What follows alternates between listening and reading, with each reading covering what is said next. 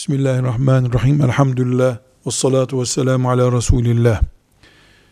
Kula borçlu olmak olduğu gibi tehlikedir. O kadar ki bu soruyu sordurtturuyor. Borçlunun cenazesi kılınır mı?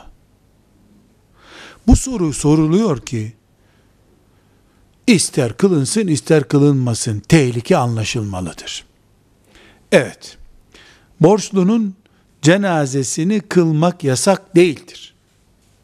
Ama alacaklı, haklı bir talepte bulunduğu sürece o cenaze namazı borçluyu cennete sevk ettirmiyor. Bunun için cenaze namazından önce ey Müslümanlar bu insandan alacağı olan var mı diye sorulur ki cenaze namazı işe yaramış olsun. Aksi takdirde alacaklılar helalleşmek, haklarını almak için kıyamet gününü beklediği sürece cenazesi kılınmış bir Müslüman rahmete hep mesafeli duracak demektir. Hadis-i şerifler bunu gösteriyor. Velhamdülillahi Rabbil Alemin.